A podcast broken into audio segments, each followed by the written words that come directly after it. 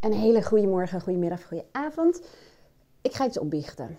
En ehm, ik ben over het algemeen eh, behoorlijk open ook over mijn eigen proces. En dat is ook niet voor niets. Dat is ook omdat ik ervan overtuigd ben dat hoe opener ik er ben, ook in de dingen die gewoon niet goed gaan of die ik bij mezelf tegenkom, hoe meer jij daaraan zult hebben. Omdat um, ja, heel veel mensen hebben ook gewoon behoefte aan tools voor de ja, patronen en problemen die ze in dagelijks leven tegenkomen. En ik merkte iets bij mezelf, iets wat, ehm, ehm, nou ja, wat eh, best wel regelmatig naar boven komt bij mezelf.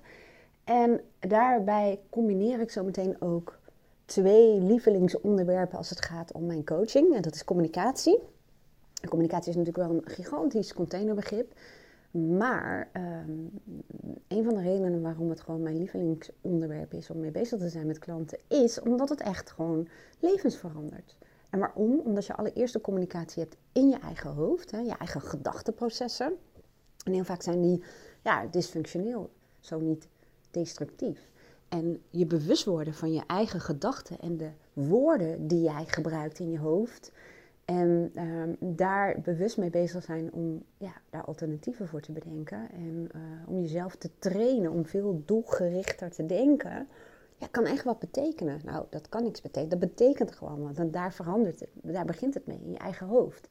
Maar ook in relatie tot andere mensen communiceren we gewoon elke dag opnieuw voor een groot deel vanuit ons onbewuste brein. Dat onbewuste brein regeert voor ongeveer 96% van de dag. Dat is ook niet voor niets, dat is gewoon een slimmigheidje van ons brein. Ons brein is primair geprogrammeerd om uh, ons te laten overleven. En één van de dingen die daarvoor belangrijk zijn, is energiebesparing. Om alles wat geautomatiseerd kan worden, om dat te automatiseren. Om daar een soort van script of programma in je brein voor te schrijven. Ik zat even te kijken, want ik zit boven um, te podcasten en dan heb ik uitzicht op het bos en ik zag iets heen en weer springen. Dus.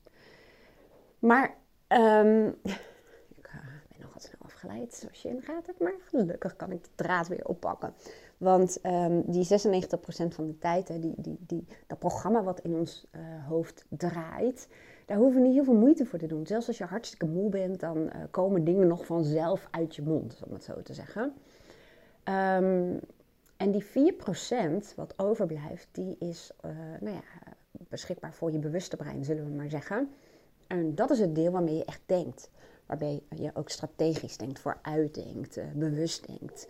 Um, het echte nadenken. Dus niet zomaar plop, er komt een antwoord of een mening of whatever, maar gewoon echt nadenken. En nadenken doe je natuurlijk vooral door goede open vragen te stellen. Goed. Um, voice dialogue, als je mij een tijdje volgt of als je klant van mij bent, dan, uh, dan weet je er waarschijnlijk wel meer van. Ik ga dat nu niet helemaal uitleggen. Maar voice dialogue is eigenlijk een methode die gebruik maakt van al die verschillende kanten die onderdeel uitmaken van jouw persoonlijkheid. Nou, die twee ga ik vandaag combineren met mijn eigen, nou ja, ik noem het geen thema, want ik ben inmiddels zo ver in mijn bewustzijn, uh, nou ja, dat ik het ook kan draaien. Nou, wat gebeurt er?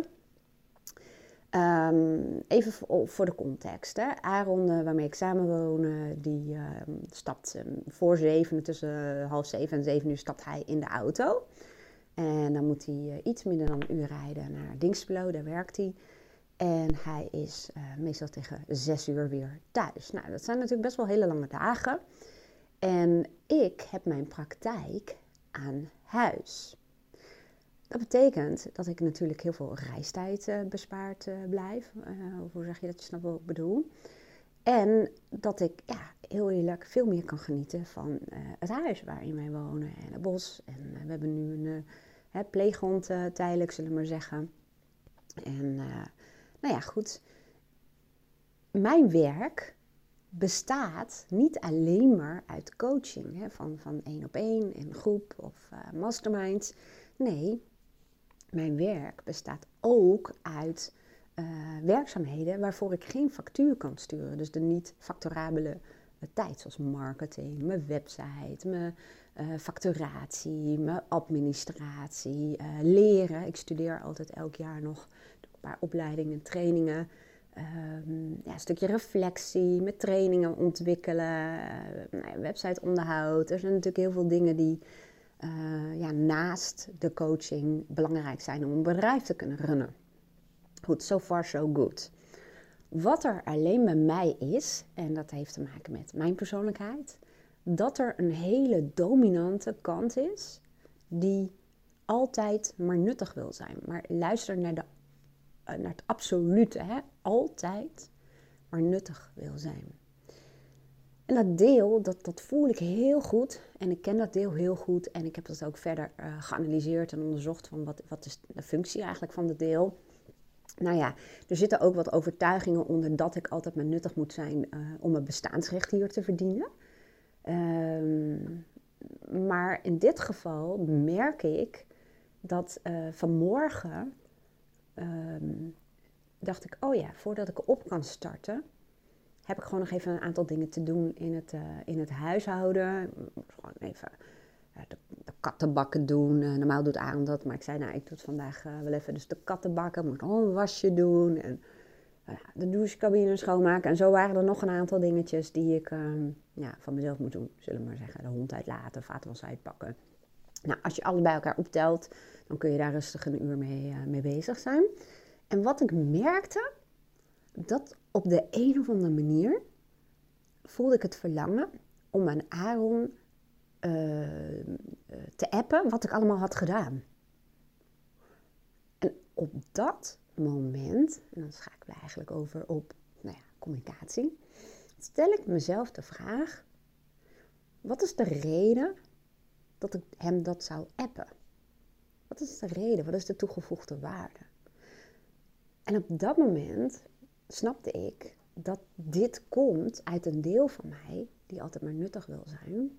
Ja, de, kant die wil presteren. En die wil laten zien hoe goed ik wel niet ben.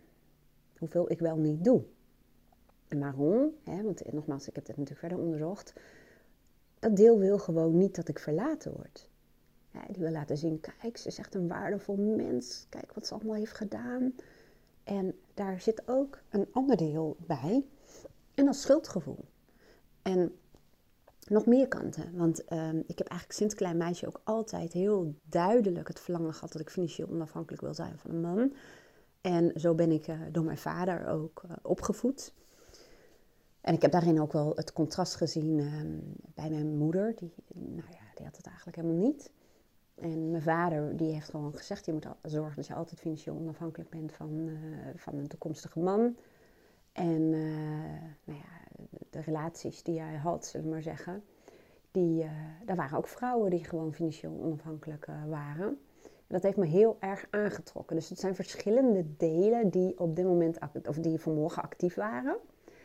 Um, en wat ik zei, schuldgevoel. Hè? Want ik zie natuurlijk dat Aaron in het donker in zijn auto stapt en s'avonds laat weer terugkomt.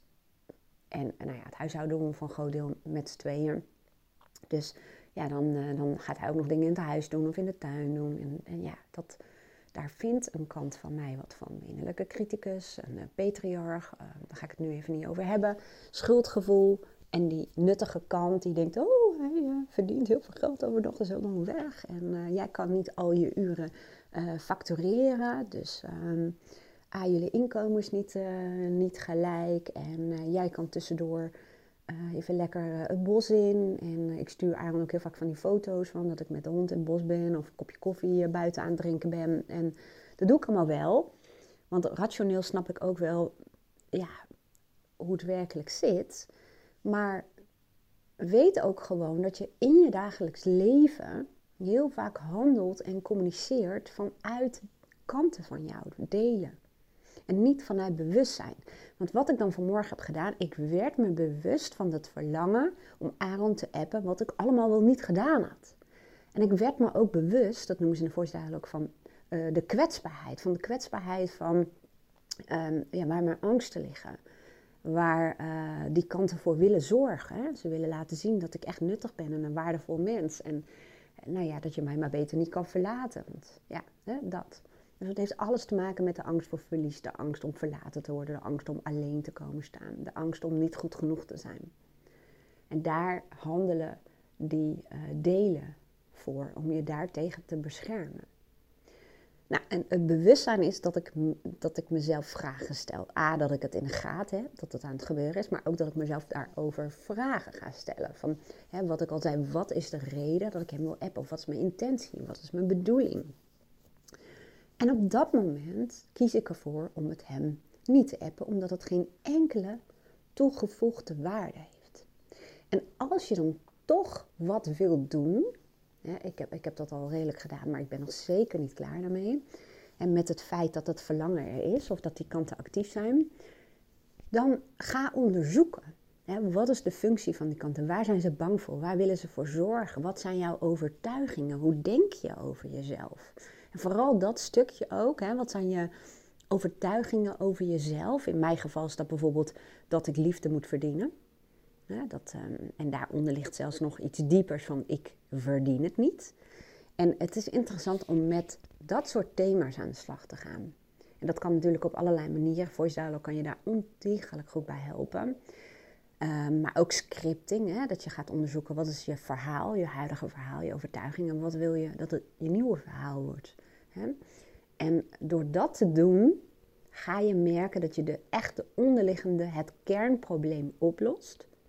En als je het kernprobleem oplost, dan kun je waarschijnlijk wel voorstellen dat dat uh, zichtbaar wordt in allerlei verschillende andere levensgebieden. En met levensgebieden bedoel ik in dit geval relatie, uh, gezin, hè, geld, um, vrije tijd, sociaal, zingeving. Nou, er zijn er nog wel wat meer levensgebieden, maar als je kernproblemen oplost, en dat is ook altijd mijn missie tijdens de coaching om meer op te lossen dan waarvoor iemand komt, dan los je het op op allerlei gebieden. En dat geldt ook voor communicatie. Als je met communicatie aan de slag gaat omdat op het werk iemand uh, dichtslaat, dan zul je ook merken dat met die nieuwe communicatievaardigheden, dat ook relaties in het privéleven veranderen.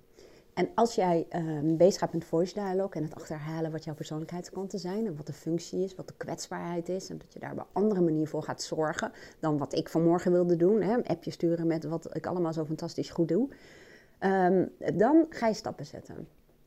En dan ga je merken dat je leven op allerlei fronten een soort stretch krijgt. En een stretch bedoel ik mee een soort upgrade.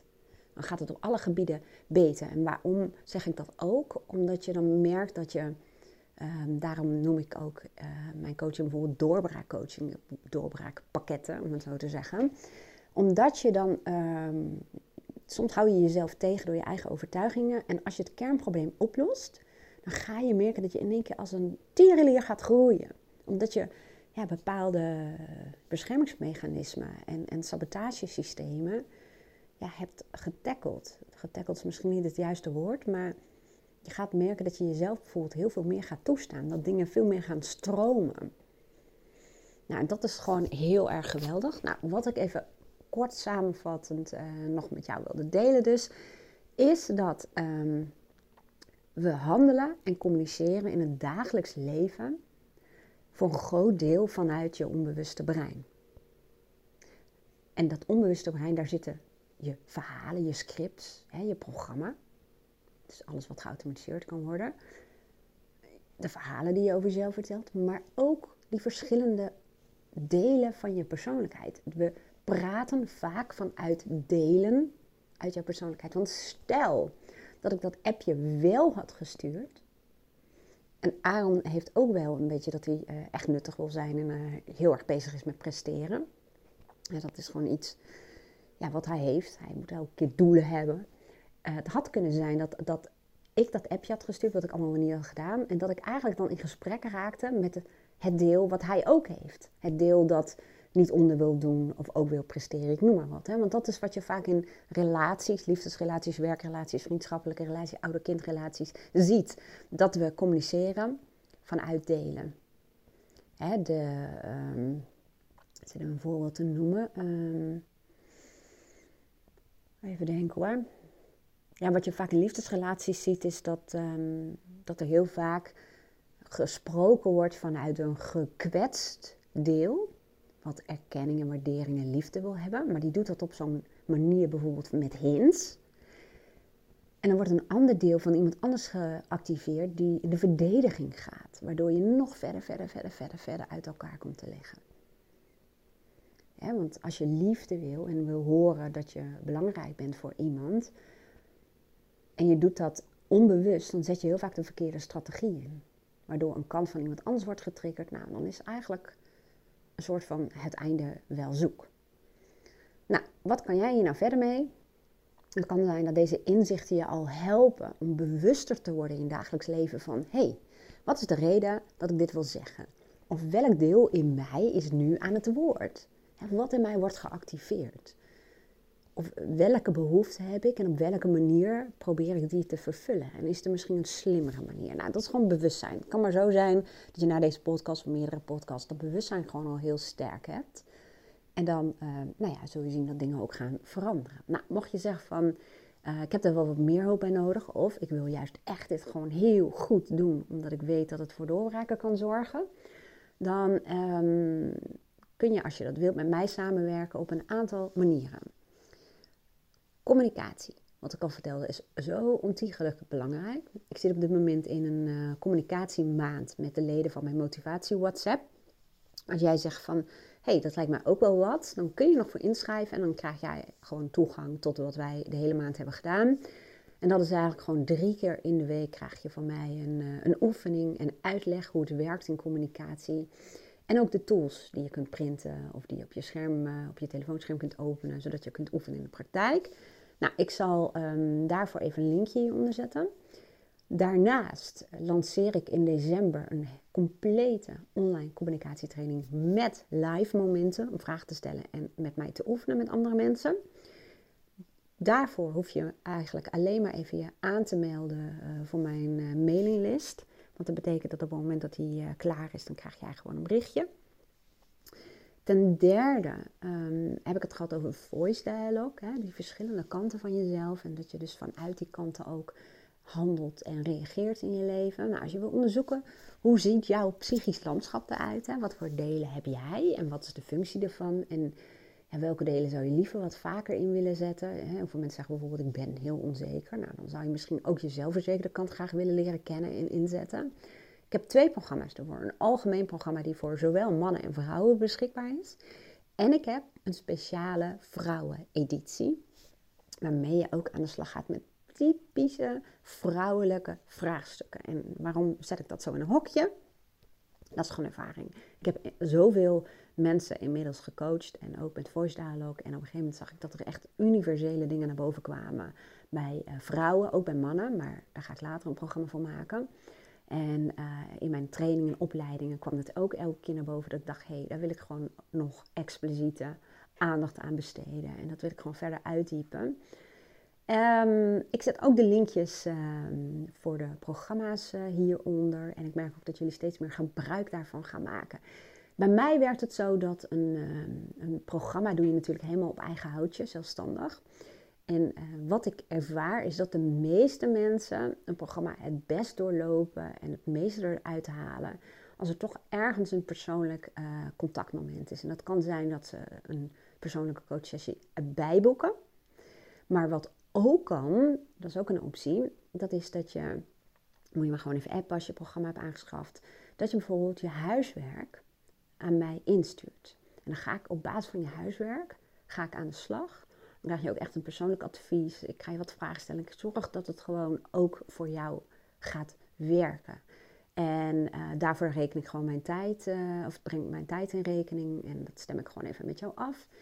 En dat kan zijn dat je denkt, hey, dit is een huiswerkopdracht, daar wil ik gewoon graag een review op hebben. Of daar wil ik gewoon wat hulp bij hebben. Dan kan dat. Maar app me dan even, want dat is ook een stukje maatwerk. Dat stem ik dan met jou af, uh, wat voor jou het best werkt.